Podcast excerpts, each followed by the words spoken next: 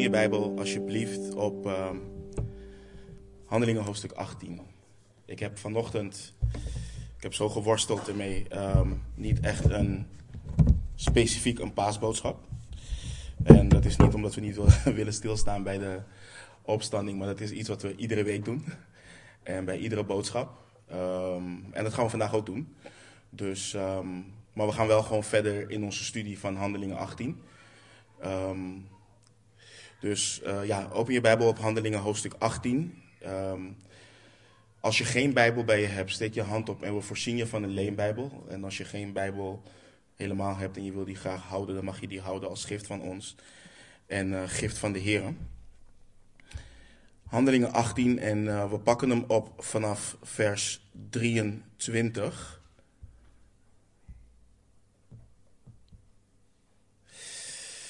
En daar lezen we dat Lucas schrijft onder leiding van de Heilige Geest. En nadat hij, dus Paulus, daar enige tijd geweest was, vertrok hij en reisde vervolgens door het land van Galatië en Frigië en hij versterkte alle discipelen. En een zekere Jood, van wie de naam Apollos was, een Alexandriër van afkomst, een welsprekend man, die kundig was op het gebied van de schriften, kwam in Efeze aan. Deze was in de weg van de Here onderwezen. En omdat hij vurig van geest was, sprak en onderwees hij nauwkeurig de zaken van de Here. Maar hij wist alleen van de doop van Johannes. En hij begon vrijmoedig te spreken in de synagoge. En toen Aquila en Priscilla hem gehoord hadden, namen zij hem apart en legden hem de weg van God nauwkeuriger uit. En toen hij naar Achaia wilde reizen, bemoedigden de broeders hem en schreven aan de discipelen dat zij hem moesten ontvangen. En toen hij daar gekomen was, bood hij veel hulp aan hen die door de genade geloofden. Want hij bestreed de Joden krachtig in het openbaar door uit de schriften te bewijzen dat Jezus de Christus is. Laten we bidden. Hemelse Vader, we zijn u zo dankbaar, Heer, dat we ook vandaag door mogen gaan in uw woord. En dat, zoals onze Heer Jezus ook schreef, Heer, niet alleen over het Oude Testament, maar ook, we weten dat het in het Nieuwe Testament hetzelfde is. Dat heel de schrift van Hem getuigt, Heer. En we zijn u dankbaar dat we uh, vers voor vers door de Bijbel heen mogen gaan, dat we uw hart kunnen leren kennen, dat we veranderd mogen worden door uw woord. En um, ja, ons een, een, een diepere en persoonlijke relatie met u mogen hebben, Heer. We bidden voor het bovennatuurlijke werk van uw geest. We bidden dat u ons verstand opent, opdat we uw woorden mogen begrijpen en dat u ons hart ook opent. We loven en prijzen uw naam en bidden dit allemaal in Jezus' naam. Amen. Nou, vorige week zijn we geëindigd in vers 22, uh, waarmee we dus ook de tweede zendingsreis van de apostel Paulus hebben afgerond. En waar we vooral bij hebben stilgestaan is de trouw van God in tijden van moeilijkheden en van verdrukking. En we hebben gezien dat net als de apostel Paulus, we allemaal op een punt kunnen komen waar we zoiets hebben van, ik, uh, ik ben er klaar mee, ik zwijg, ik, ik zeg niks meer. Um, um, uh, als ik wat zeg, dan wordt het me niet in dank afgenomen en, en noem maar op. Um, en daarin hebben we gezien hoe de Heer de apostel Paulus bemoedigde en hem juist aanspoorde om niet te zwijgen, maar juist om te spreken, want hij was met Paulus. En vandaag behandelen we slechts enkele versen. Maar de kern van deze versen is zo essentieel dat ik daar niet uh, overheen wilde gaan. Um, we lezen vanaf, uh, we lezen in vers 23 dat Paulus een tijd in uh, Antiochië bleef. Dus de kerk waardoor hij was uitgezonden. En Paulus heeft hen ongetwijfeld op de hoogte gebracht van alles wat er was gebeurd en hen ook gesterkt in hun geloof. Alles wat God in en door zijn bediening heeft gedaan. En we lezen vervolgens dat hij vertrok en daarmee hij dus begon aan zijn laatste zendingsreis. Uh, Paulus zijn derde en zijn laatste zendingsreis zal niet eindigen in Antiochië zoals dat nu iedere keer is gebeurd. Uh, en de ene zegt dat het eindigt wanneer hij in Jeruzalem komt. En de andere zeggen dat het eindigt wanneer hij in Rome uh, aankomt. En in afwachting van zijn rechtszaak. En, en hoe je dat wilt uh, verdelen is op zich niet zo spannend. Maar van wat we uit de geschiedenis weten, zal dit de laatste zendingsreis zijn. En zal de apostel Paulus uiteindelijk een marteldood ondergaan.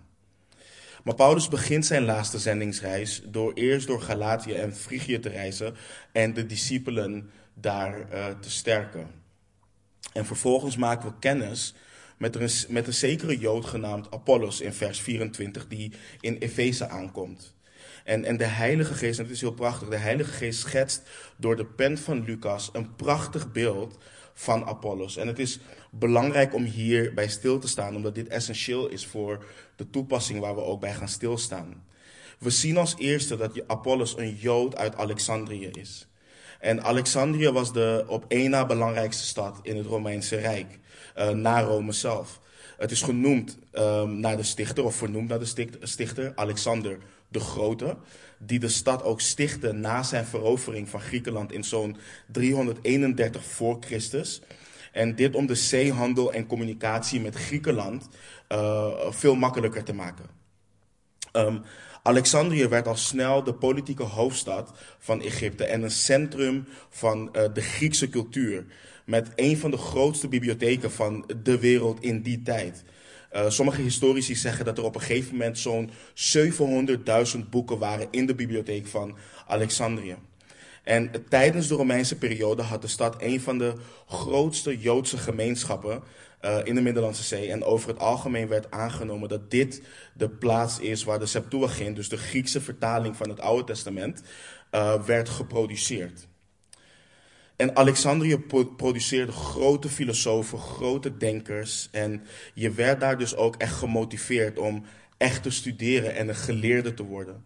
En dit is dus de, de plek waar Apollos vandaan kwam. Waar kennis het hoogste goed is. We lezen vervolgens ook dat Apollos een welbespraakt man was. En in het Grieks wordt hiervoor het woord gebruikt dat het, het gaat niet alleen over iemand die, um, die een goede redenaar is, dus iemand die goed kan spreken. Nee, het spreekt ook van iemand die ook echt geleerd was. Iemand die wist waar hij of zij het over had. En, en laten we wel wezen, er zijn veel mensen die goed kunnen spreken, maar eigenlijk niks te zeggen hebben, weinig te zeggen hebben. En er zijn ook mensen die veel te zeggen hebben um, en weten waar ze het over praten, maar die dat gewoon niet goed kunnen formuleren. Maar Apollos was een totaal pakket. Hij wist waar hij het over had en hij kon het ook nog eens goed formuleren. En, en we lezen vervolgens ook daarnaast dat Apollos iemand was die kundig was op het gebied van de schriften. Apollos was machtig in de schriften. Hij was niet iemand die alleen wist wat er in de schriften stond. Uh, hij kon je ook de betekenis ervan geven en zelfs de toepassing. Dus hij kon je de schrift systematisch uitleggen. En Apollos was onderwezen in de weg van de Here.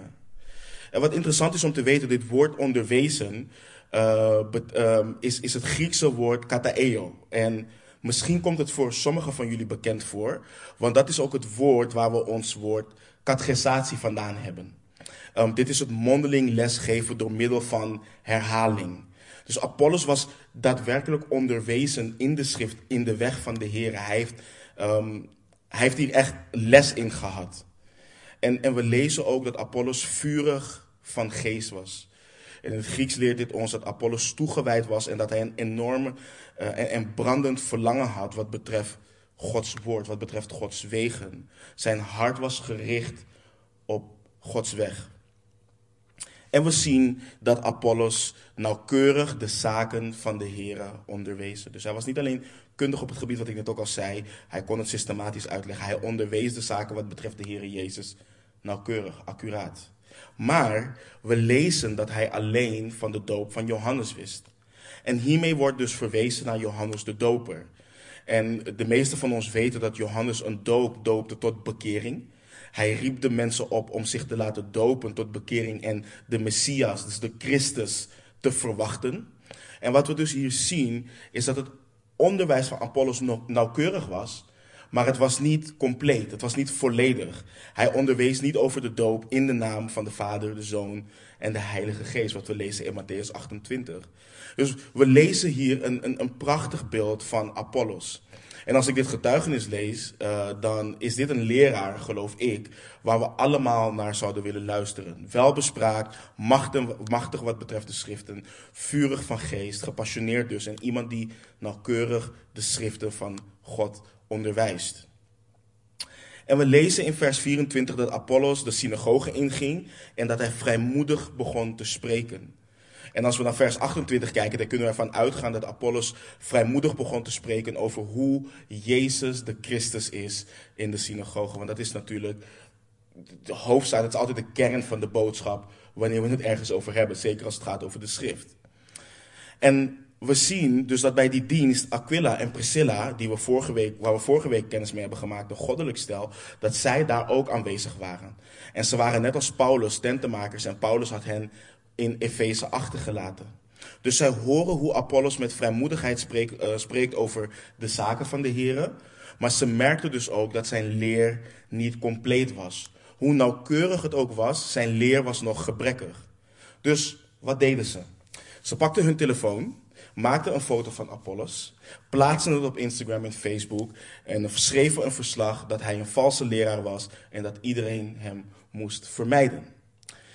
Nee, want onze tekst is niet 2021. Lucas schrijft, nadat ze hem gehoord hadden, namen ze hem apart en legden hem de weg van God nauwkeuriger uit.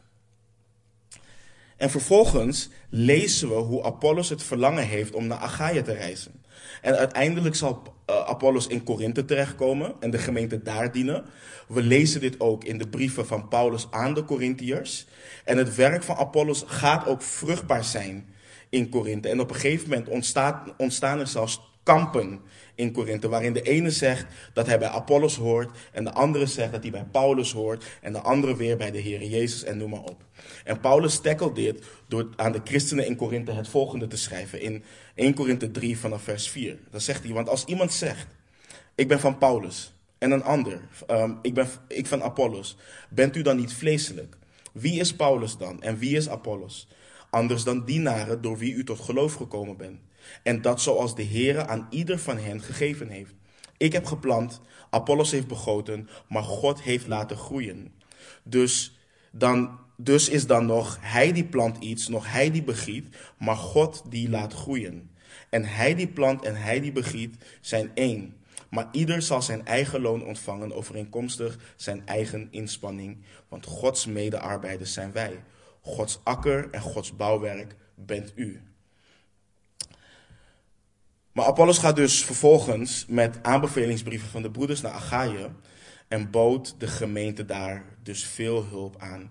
En hij diende de gelovigen en hij bestreed de Joden krachtig in het openbaar door uit de schriften te bewijzen dat Jezus de Christus is. Oké, dus ik wil de overige tijd gebruiken om stil te staan bij belangrijke toepassingen voor ons anno 2021. En misschien denk je nu, als hij nu al gaat beginnen met zijn toepassing, hoe lang gaan we hier zitten? Ja, dat gaan we zo zien.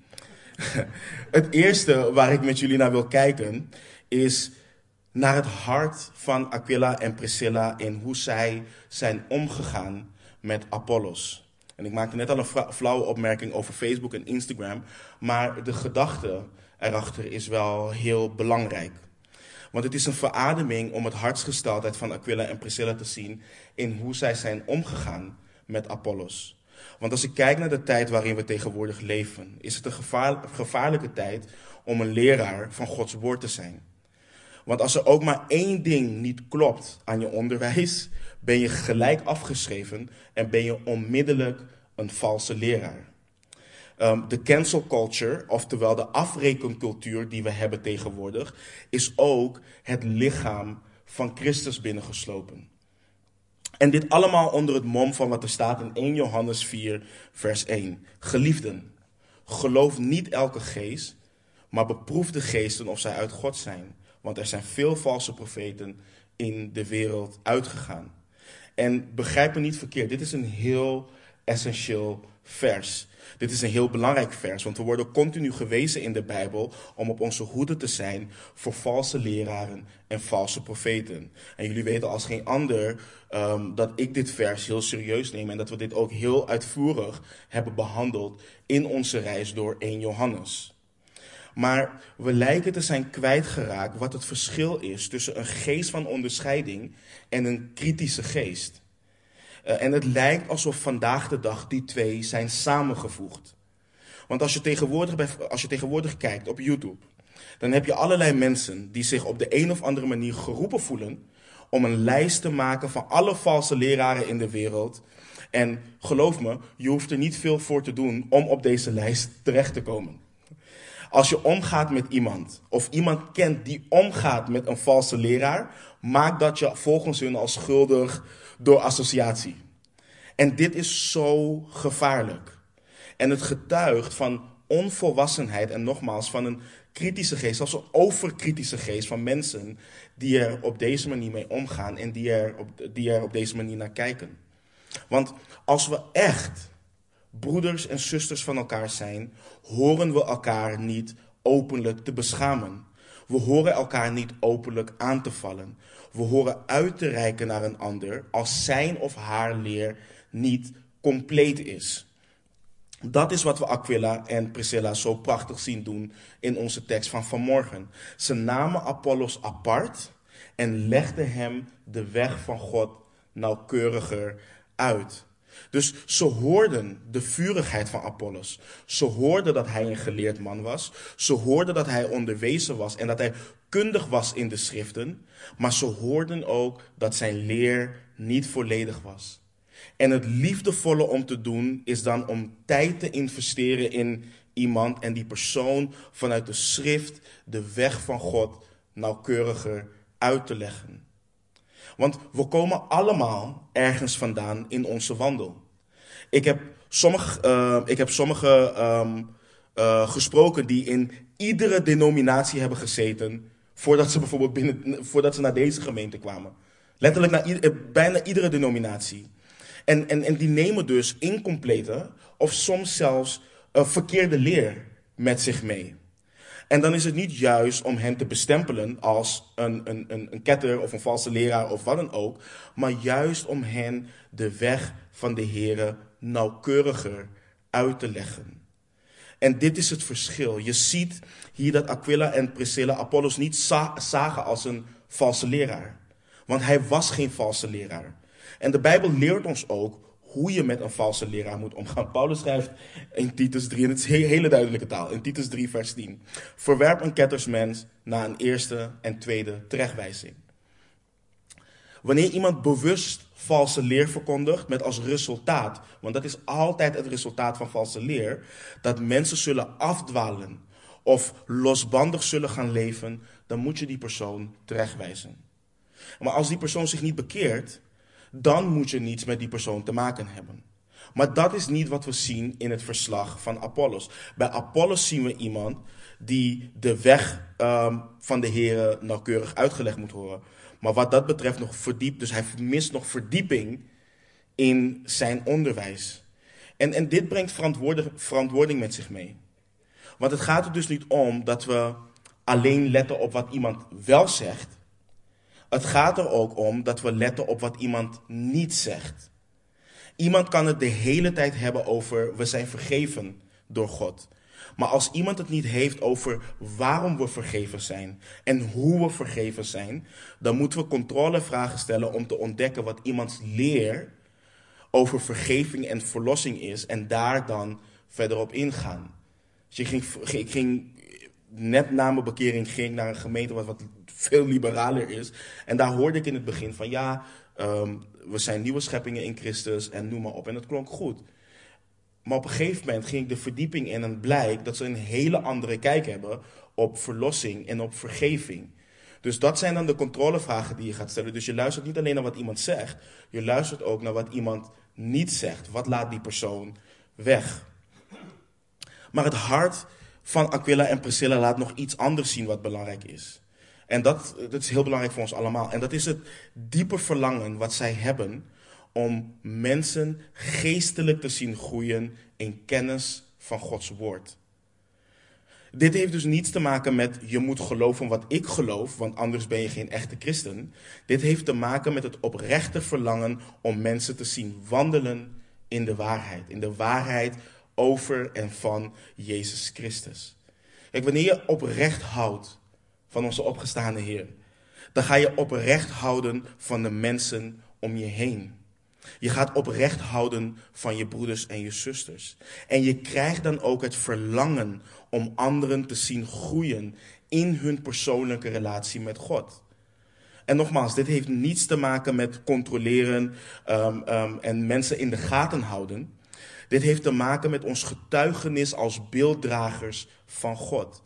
En dit verlangen hoort iedere volgeling van Jezus Christus te kenmerken. Luister bijvoorbeeld, en dit zijn een hoop versen waar we nu even doorheen gaan. Maar luister naar de apostel Johannes. Let op waarom hij zijn eerste brief schrijft aan zijn broeders en zijn zusters. Hij heeft verschillende redenen in zijn brief. In 1 Johannes, uh, hoofdstuk 1, vers 4, dan schrijft hij. En deze dingen schrijven wij u, opdat uw blijdschap volkomen wordt. Dat is één. Als we gaan naar 1 Johannes hoofdstuk 2, vers 1, dan schrijft hij: Mijn kinderen, ik schrijf u deze dingen opdat u niet zondigt. En als iemand gezondigd heeft, wij hebben een voorspraak bij de Vader, Jezus Christus, de rechtvaardige. 1 Johannes 2, vers 1. Dan gaan we verder in hetzelfde hoofdstuk. 1 Johannes 2, vanaf vers 12. Dan zegt hij: Ik schrijf u, lieve kinderen, want de zonden zijn u vergeven omwille van zijn naam. Ik schrijf u, vaders, omdat u hem kent die er vanaf het begin is. Ik schrijf u, jonge mannen, omdat u de boze hebt overwonnen. Ik schrijf u, kinderen, omdat u de Vader kent. Ik heb u geschreven, vader, vaders, omdat u hem kent die er vanaf het begin is. Ik heb u geschreven, jonge mannen, omdat u sterk bent en het woord van God in u blijft en u de boze hebt overwonnen.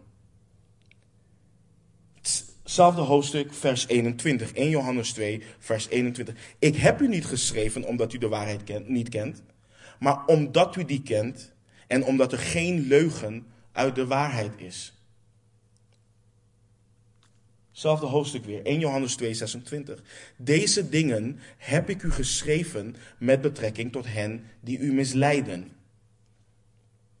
En dan helemaal aan het einde van het boek, 1 Johannes 5, vers 13. Deze dingen heb ik u geschreven, of deze dingen heb ik geschreven aan u die gelooft in de naam van de Zoon van God, opdat u weet dat u het eeuwige leven hebt en opdat u gelooft in de naam van de Zoon van God. Johannes heeft zijn brief niet geschreven omdat hij vervelend wil zijn en iedereen in de gaten wil houden. Het is, het is niet zoals de wereld denkt van de kerk, dat de kerk macht wil hebben over de christenen en noem maar op. Hij heeft deze brief geschreven opdat hun blijdschap volkomen wordt, opdat ze niet zondigen, opdat ze de zekerheid hebben van het evangelie en het eeuwig leven, om hen te beschermen tegen misleiding.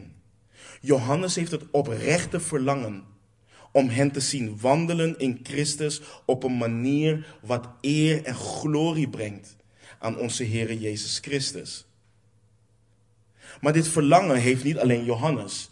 Let op wat de apostel Paulus schrijft aan de Colossense in hoofdstuk 1 vanaf vers 9. Dit is een gebed van de apostel Paulus. Wat hij, hij, zegt, hij schrijft, daarom houden ook wij niet op.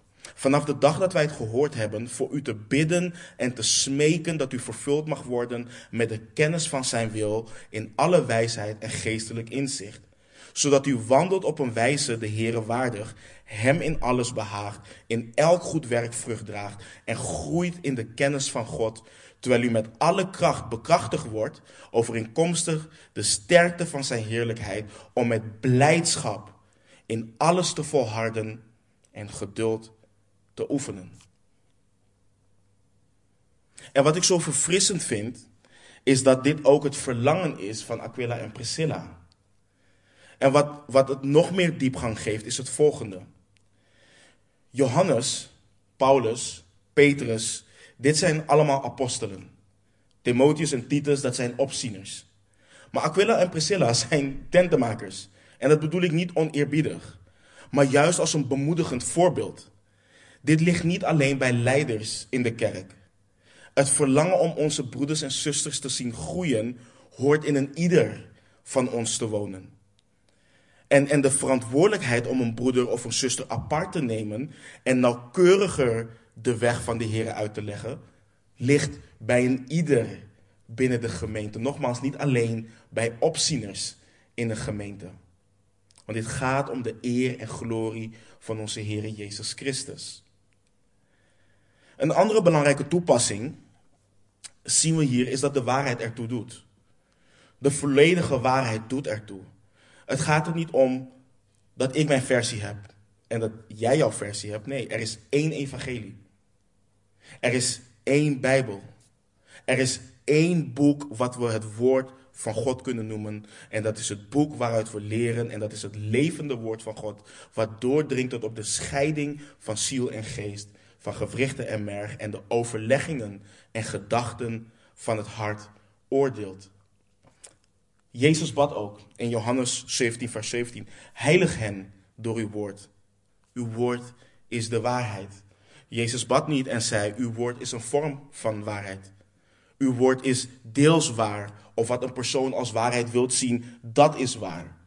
Nee, Jezus bad: Uw woord is de waarheid. En de waarheid doet ertoe.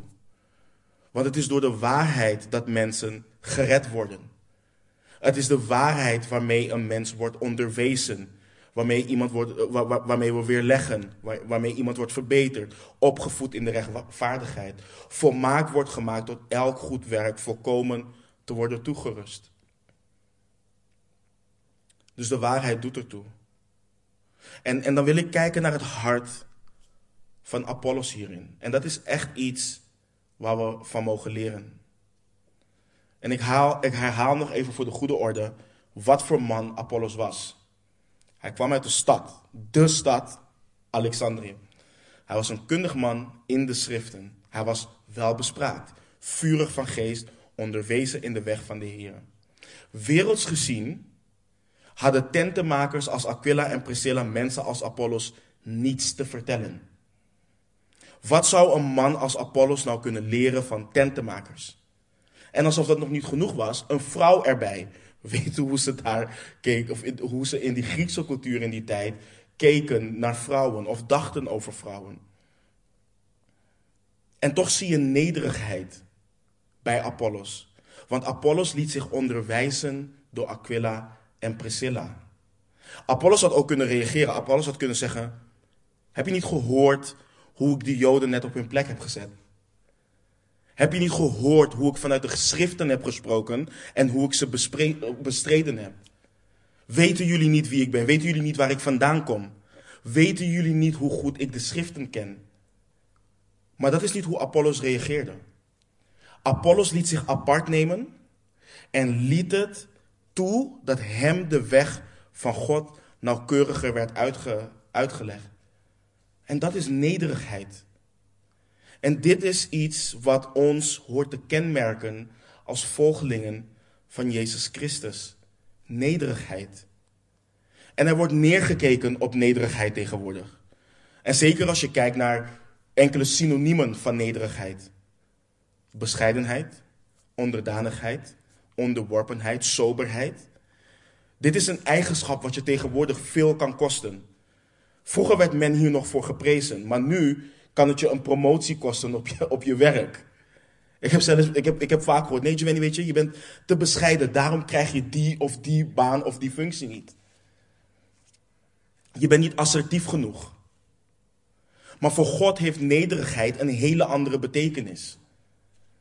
En we doen er goed aan om naar de definitie van een woord te kijken vanuit Gods ogen en niet hoe de wereld ernaar kijkt. Want de wereld kijkt ernaar op basis van titels, op basis van diploma's. En we zijn daar als mensen gevoelig voor. Want als een persoon een bepaalde titel voor of achter zijn naam heeft, dan nemen we die persoon serieuzer dan iemand die dat niet heeft. En in sommige gevallen hoort dat ook. Hè? Begrijp me niet verkeerd. Ik wil niet dat een gynaecoloog of een, een chirurg aan me gaat sleutelen die die diploma niet heeft. Dus dat is wat anders. Maar over het algemeen kunnen we de waarde van iemand niet bepalen op basis van zijn of haar titel. En zeker niet in Gods koninkrijk. Want in Gods koninkrijk zijn we allemaal mededienstknechten. In Gods koninkrijk gaat het, gaat het er niet om of je een theologische opleiding hebt gedaan. Het gaat erom of je onder leiding van Gods geest staat en in heel de waarheid wordt geleid door de Heilige Geest. En ik ben, denk, ik ben persoonlijk ben jullie dankbaar voor jullie genade en voor jullie nederigheid. Want er zijn volgelingen hier die langer met hem wandelen dan ik op deze aardbol wandel. En toch zitten jullie hier iedere week en luisteren jullie hoe ik de schrift uiteenzet. Ondanks mijn leeftijd en mijn leeftijd in de Heer. Maar ik kan jullie niet zeggen hoe vaak ik ze ben tegengekomen die zeggen: wanneer ik vanuit de schrift aantoon dat wat ze geloven of onderwijzen niet klopt, of dat hoe ze wandelen niet overeenkomstig is de schrift van de Heer, ik hoor, je kent mijn hart niet. Ik ken mijn hart. Ik weet dat ik oprecht ben. Ik wandel al x, y, z jaar met de Heer. Weet je hoeveel uur per dag ik mijn Bijbel lees? En dat is geen nederig hart. Dat is een hart vol met hoogmoed. En hoogmoed is een gruwel in de ogen van de Heer. Spreuken 16, vers 5 leert ons het volgende. Al wie hooghartig is, is voor de Heer een gruwel. Hand op hand, hij zal niet voor onschuldig gehouden worden. In Spreuken 8, vers 13. De vrezen des Heren is het kwade te haten. Hoogmoed, trots en de verkeerde weg en een mond vol verderfelijke dingen haat ik. En, en, en laten we dus beginnen met het volgende. Een christen, een volgeling van Jezus, hoort niet te zeggen: Ik ken mijn hart, jij kent mijn hart niet. Dat hoort niet uit onze mond te komen. Want de Heer zegt duidelijk in zijn woord. In Jeremia 17, vers 9. Arglistig is het hart. Boven alles. Ja, ongeneeslijk is het. Wie zal het kennen? Ik, de Heere, doorgrond het hart, beproef de nieren. En dat om ieder te geven overeenkomstig zijn wegen, overeenkomstig de vrucht van zijn daden. En soms denken we oprecht te zijn. Niet eens soms, vaak. Maar vaak hebben we het oprecht mis. En Apollos dacht ook dat hij het wist. Apollos was ook oprecht in de synagoge. En toch was zijn kennis niet volledig. En we doen er allemaal goed aan om dat ook over onszelf te beseffen. En Paulus schreef ook in, uh, in, Korinthe, in 1 Korinthe 13, 12. Nu ken ik ten dele, maar dan zal ik kennen zoals ik zelf gekend ben. Dit is de grote apostel Paulus. Die het grootste gedeelte van het Nieuwe Testament op zijn naam heeft staan. Dezelfde apostel Paulus schreef ook in Filippenzen 3 het volgende. En hij schreef dit nadat hij had geschreven wat hij voordat hij tot Christus kwam um, was en waarin hij allemaal kon roemen. En dan schrijft hij vanaf vers 7. Maar wat voor mij winst was, dat heb ik om Christus wil als schade beschouwd. Ja, beslist, ik beschouw ook alles als schade vanwege de voortreffelijkheid van de kennis van Christus Jezus, mijn Heere, om wie ik dat alles als schade ervaren heb. En ik beschouw het als vuiligheid, opdat ik Christus mag winnen en in hem gevonden word. Niet met, mijn, niet met mijn rechtvaardigheid, die uit de wet is, maar die door het geloof in Christus is. Namelijk de rechtvaardigheid uit God door middel van het geloof. En dan zegt hij, dan schrijft hij, opdat ik hem mag kennen. En de kracht van zijn opstanding. En de gemeenschap met zijn lijden. Doordat ik aan zijn dood gelijkvormig word. Om hoe dan ook te komen tot de opstanding van de doden. En let op wat hij schrijft in vers 12. Niet dat ik het al verkregen heb of al volmaakt ben. Maar ik jaag erna om het ook te grijpen. Daartoe ben ik ook door Christus Jezus gegrepen. De apostel Paulus schrijft dit. En, en wat een verademing is, is het om dit te lezen in de tijd, of in een tijd waarin we zo dogmatisch zijn. Over onze eigen geestelijkheid en dingen die we denken te weten, maar als je de schrift ernaast legt, wordt helemaal mis hebben. En, en laat het duidelijk zijn dat nederigheid niet een vaardigheid is. Laat het duidelijk zijn dat nederigheid niet iets is wat je doet, maar wat je hoort te zijn. Nederigheid is een kwestie van hartsgesteldheid. En het begint met het erkennen wat en wie je bent. Want zijn we niet allemaal gevallen mensen? En weten we allemaal niet, net als de apostel Paulus, kennen we allemaal niet ten dele. Wie van ons is volmaakt? En als je volmaakt bent, alsjeblieft kom en onderwijs ons, want ik ben niet volmaakt. En er zijn zoveel zaken waarin mijn kennis, net als die van Apollos, wat betreft de schrift, nog incompleet zijn.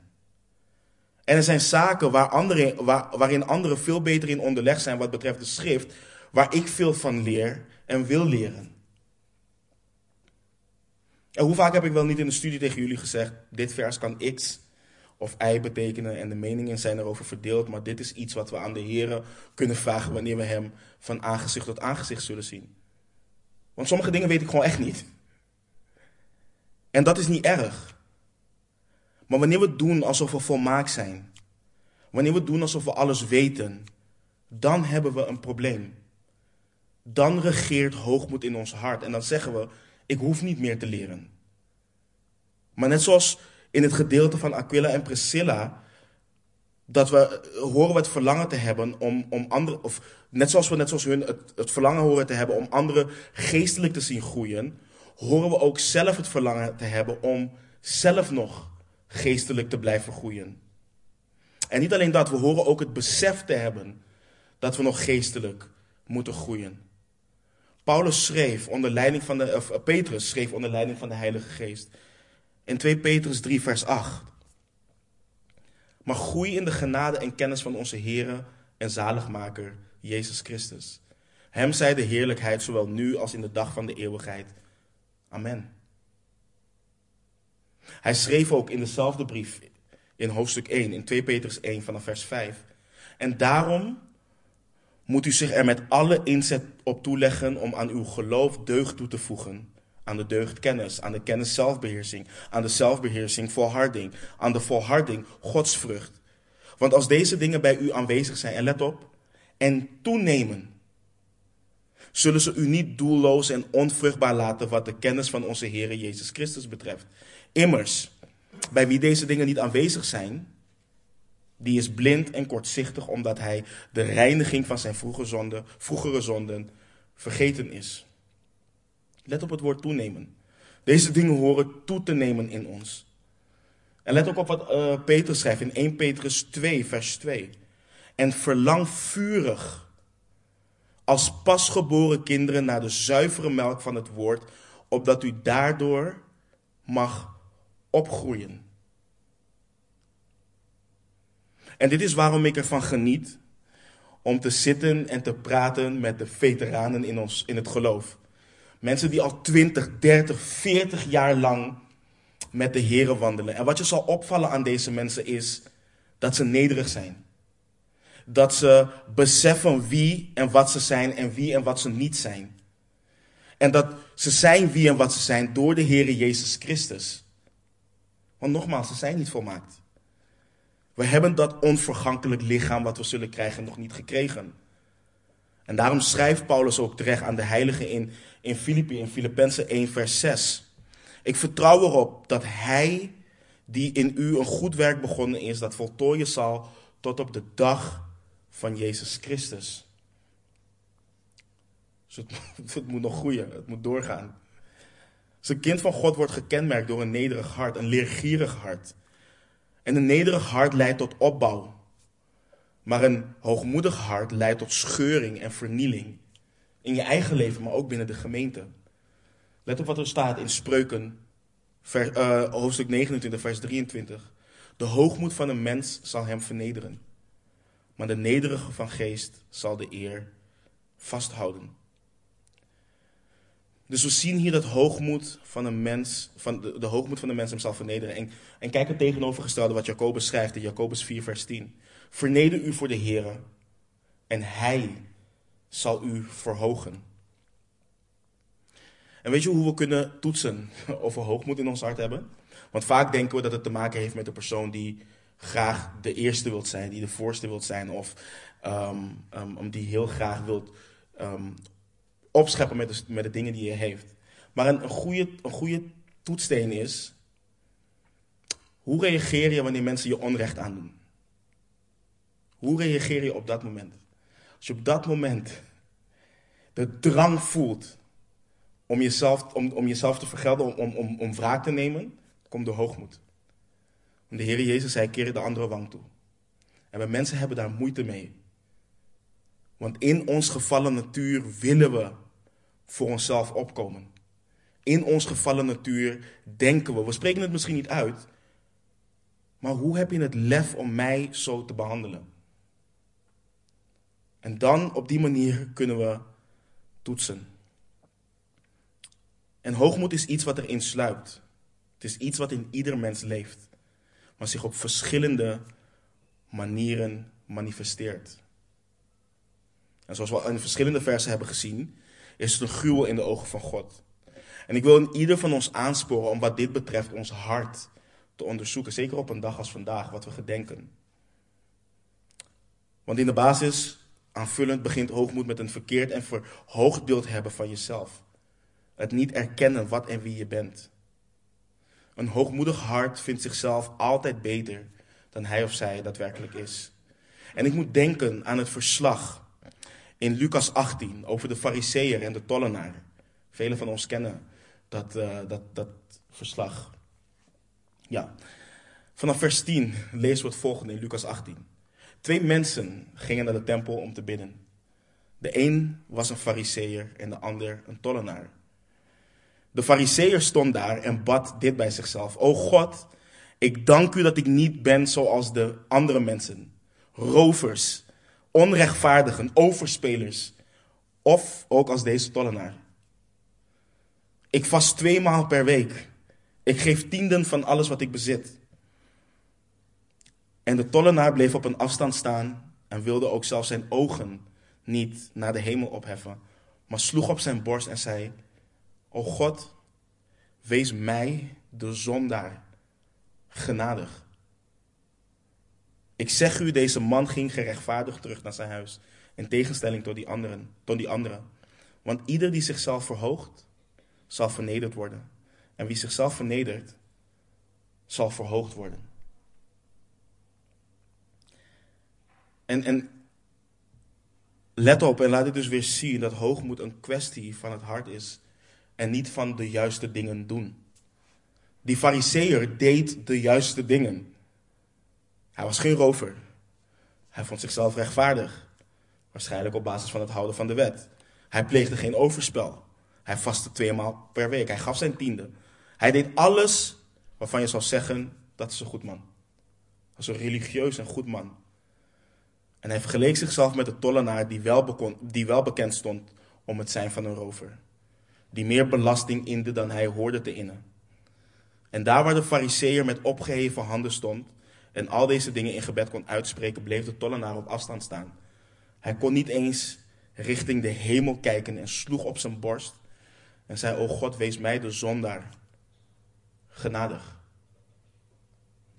En lieve broeders en zusters, laat dit ons alsjeblieft Laat dit zijn wat ons kenmerkt als volgelingen van Christus. Laat de gezindheid die in Christus was ook in ons zijn. Die terwijl hij in de gestalte van God was, het niet als roof beschouwd heeft aan God gelijk te zijn, maar zichzelf ontledigd heeft door de gestalte van een slaaf aan te nemen en aan de mensen gelijk te worden. En weet je, de afgelopen weken weegt het volgende zwaar op, op mijn hart. En na wat er vorige week in Urk en Krimpen is gebeurd, nog zwaarder. Want we hebben het over nederigheid vanochtend. En laat me beginnen met zeggen dat ik dankbaar ben voor, dat ik God dankbaar ben voor deze gemeente. Ik ben God dankbaar voor het feit dat Hij ons aan elkaar gegeven heeft. En dat Hij ons het verlangen heeft gegeven om Zijn woord zuiver te prediken en Hem te leren kennen. Zoals Hij gekend kan en wilt worden. Maar er komt hier een grote verantwoordelijkheid bij kijken. Want we kunnen naar kerken om ons heen kijken. En de nonsens, want het is nonsens. En de gekheid, want het is gekheid. Zien die er gedaan wordt. En we kunnen het veroordelen. En we kunnen zeggen dat is niet hoe volgelingen van Jezus zich horen te gedragen. Maar ik wil stilstaan bij het volgende. Wij gaan in deze gemeente gaan we vers voor vers door de Bijbel. We bestuderen de Bijbel in context en blijven bij wat God heeft overgeleverd in de schrift. Maar als we, als we daar goed naar kijken, dan hoort dat ons zowel op te bouwen als ons af te breken. Het hoort ons vrees te geven. Want misschien trappen we een journalist niet in zijn maag. Of rijden we er niet bijna eentje over. Maar doen we als mannen wel lelijk tegen onze vrouwen. Terwijl God ons heeft opgeroepen om onze vrouw lief te hebben zoals Christus de gemeente heeft liefgehad. Of doen we als vrouwen niet lelijk tegen ons man, terwijl, of, of doen we als vrouwen lelijk tegen ons man, terwijl de Bijbel ons heeft opgeroepen om ons te onderschikken zoals aan de Heer. Of doen we als ouders lelijk tegen onze kinderen terwijl we opgeroepen zijn in het woord van God om onze kinderen niet te tergen? En misschien verkondigen we geen valse leer, maar leven we niet naar de leer waaronder we zitten. En broeders en zusters, dat is hoogmoed. Dat is hoogmoed. En dan zijn wij nog erger te veroordelen dan de beleidende christenen in Urken en Krimpen. Want wij weten. Wij weten. Wij weten wat de schrift zegt. En wij bestuderen de Bijbel niet één keer per week. Wij gaan op woensdag gaan we ook vers voor vers door de Bijbel. En we gaan bij de vrouwenstudies gaan we ook vers voor vers door de Bijbel. En bij de mannensamenkomsten gaan we ook vers voor vers door de Bijbel.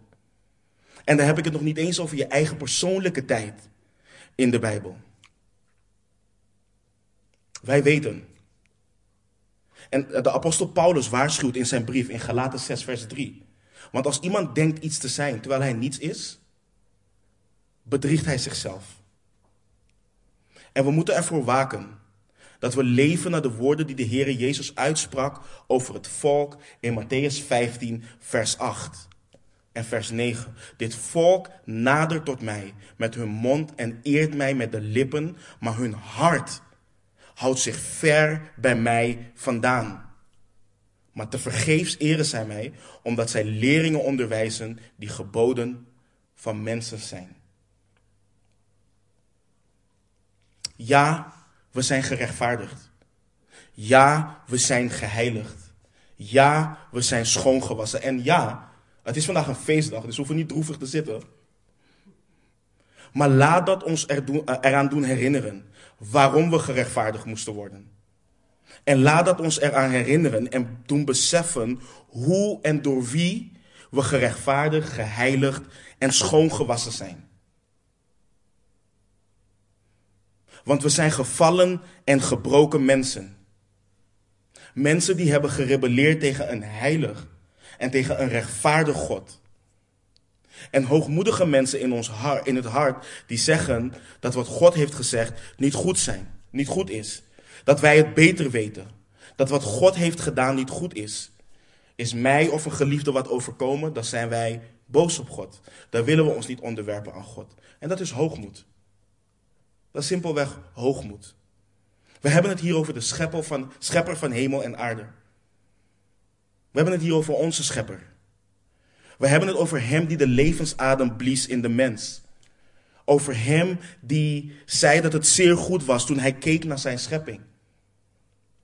Over hem die zijn zoon heeft gestuurd om te sterven voor hoogmoedige mensen die vinden dat ze geen redding nodig hebben, omdat ze vinden dat ze geen zondaren zijn. Maar broeders en zusters, God geeft genade.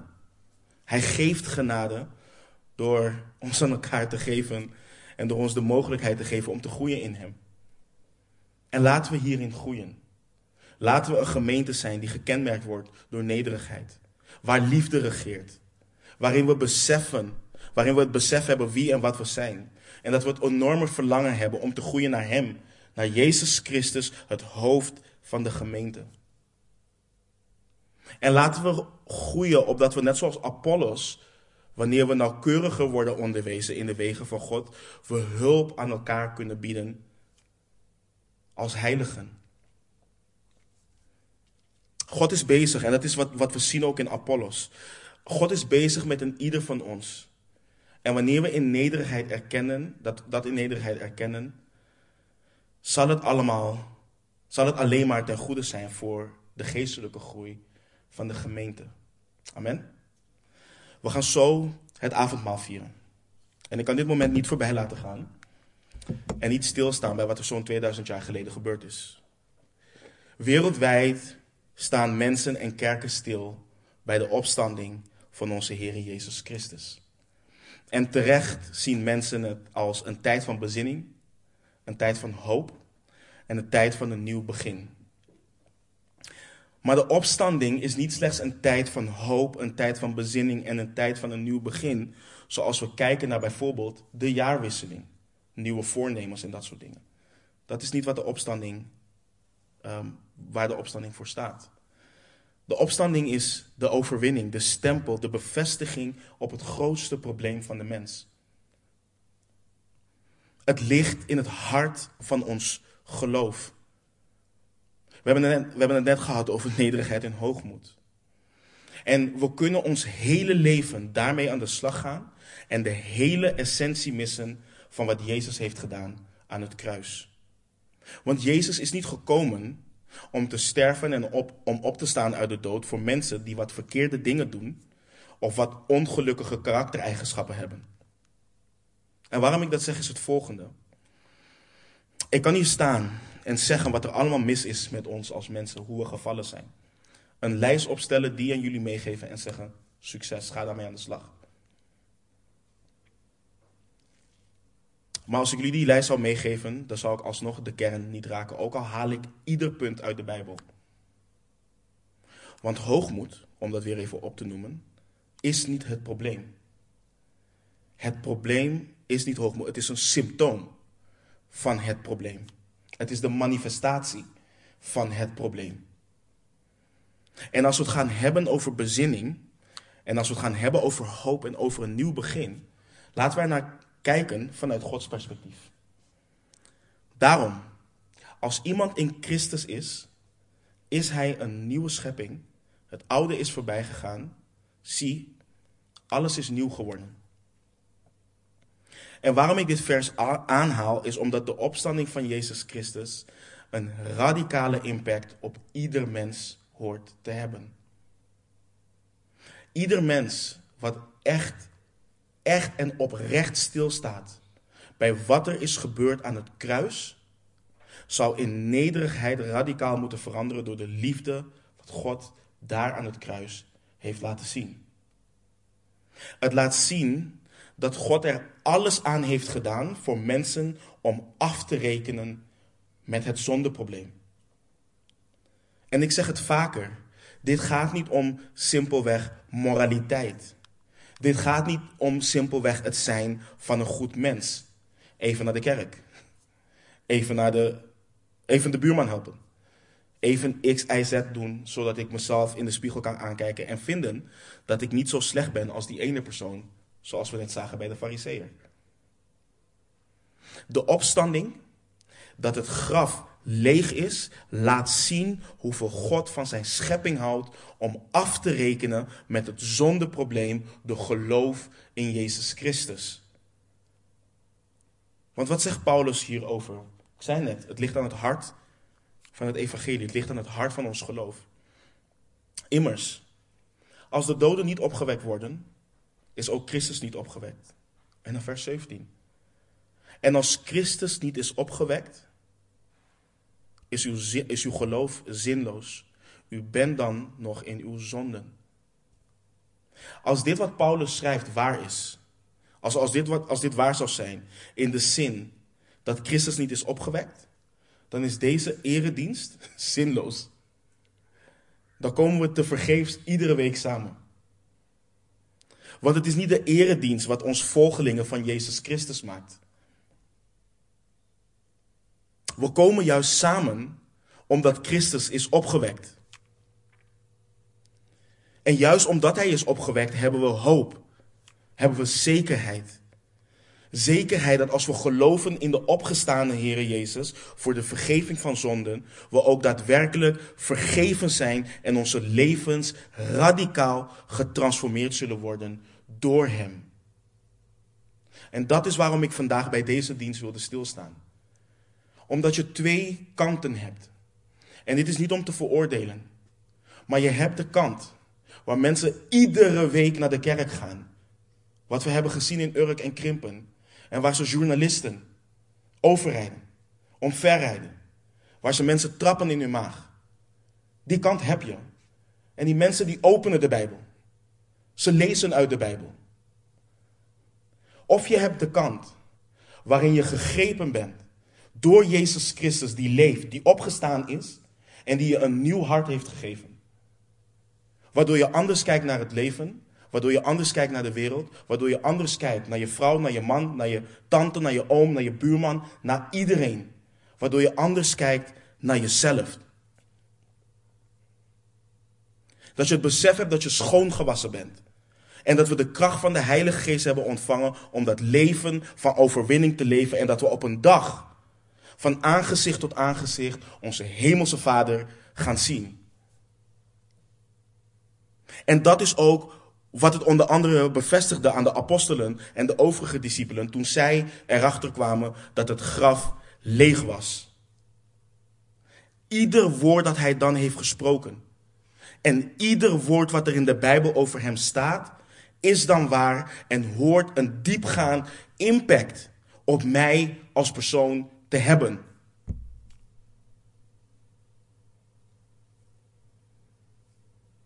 En hoe mooi is het dat we iedere samenkomst hier meer over mogen leren door samen te bidden en vers voor vers door de Bijbel heen te gaan. En vanaf vanochtend opende ik mijn Bijbel-app en ik kijk eigenlijk nooit naar vers van de dag. Maar vandaag zag ik Matthäus 28, vers 6 staan, waar staat: Hij is hier niet, want hij is opgewekt, zoals hij gezegd heeft. Kom, zie de plaats waar de Heer gelegen heeft. En wat me opviel is het gedeelte wat hij, want hij is opgewekt, zoals hij gezegd heeft. En wekt dit dan in ons niet de nieuwsgierigheid om te ontdekken wat hij gezegd heeft? En wat voor radicale transformatie dat in ons leven kan brengen. Dat dat het verschil kan brengen tussen religie en levend geloof in onze levende Heere Jezus Christus. Amen. Laten we bidden. Hemelse Vader, we zijn u zo dankbaar, Heer. Vader, we zijn u dankbaar. Omdat u ons het geloof gegeven heeft, Heer, dat ieder woord in uw woord waar is. En dat u ons het geloof hebt gegeven, Heer, dat wat in onze ogen, Heer, mijn hoofd kan er niet bij, Heer. Dat onze Heer Jezus Christus uit de dood is opgestaan. Menselijk gezien snap ik er helemaal niks van. En menselijk gezien is het onmogelijk. Maar zoals onze Heer Jezus Christus ook zei, wat bij de mens onmogelijk is, is voor God mogelijk. En u bent een bovennatuurlijk God, Heer. En we danken u. Nogmaals dat u ons geloof geschonken heeft, Heer. Dat u onze zonden de schouders van onze Heer Jezus Christus hebt gelegd aan het kruis. En Heer Jezus, dat u daar de geest gegeven hebt, Heer. En dat u aan het kruis zei dat het volbracht is. En dat u alles gedaan heeft. Om zondige mensen met een heilig God te verzoenen. En dat de, dat de dood u niet kon houden, dat het graf u niet kon houden, Heer. En zoals we ook vanochtend zongen, dat de dood ons einde niet meer is. Dat we u op een dag van aangezicht tot aangezicht gaan zien. Dat we in een ondeelbaar oogwenk, Heer, een nieuw lichaam zullen krijgen. En voor altijd, voor eeuwig bij u zullen zijn, voor eeuwig met u zullen leven, Heer. Heer, en ik dank u voor het getuigenis van Apollos. Ik dank u voor het getuigenis wat we lezen in Aquila en Priscilla. En Heer, bovenal dank ik u dat dit allemaal getuigt van u, Heer, en, en, het, en het radicale effect wat u heeft op mensen. En ik bid dat dat ons mag veranderen, dat dat ons ook mag kenmerken. Heer, dat we een levende relatie met u zullen hebben. En dat we onze harten zullen toetsen, Heer. Heer, ja, we zijn vergeven. We zijn schoongewassen en we kunnen roemen in het feit dat u dat gedaan heeft. Maar geef ons ook gebrokenheid en berouw over onze zonde en de hoogmoed in ons hart, Heer. En het besef dat we tot u moeten naderen. En dat u sleutelt aan ons hart. En dat ieder moment, eh, tot aan, tot aan de dag dat we u zien, beetje bij beetje zal verwijderen, Heer. We danken u, we loven u, we prijzen uw naam, we houden van u. En we bidden dit in de machtige naam van onze Heer Jezus Christus. Amen.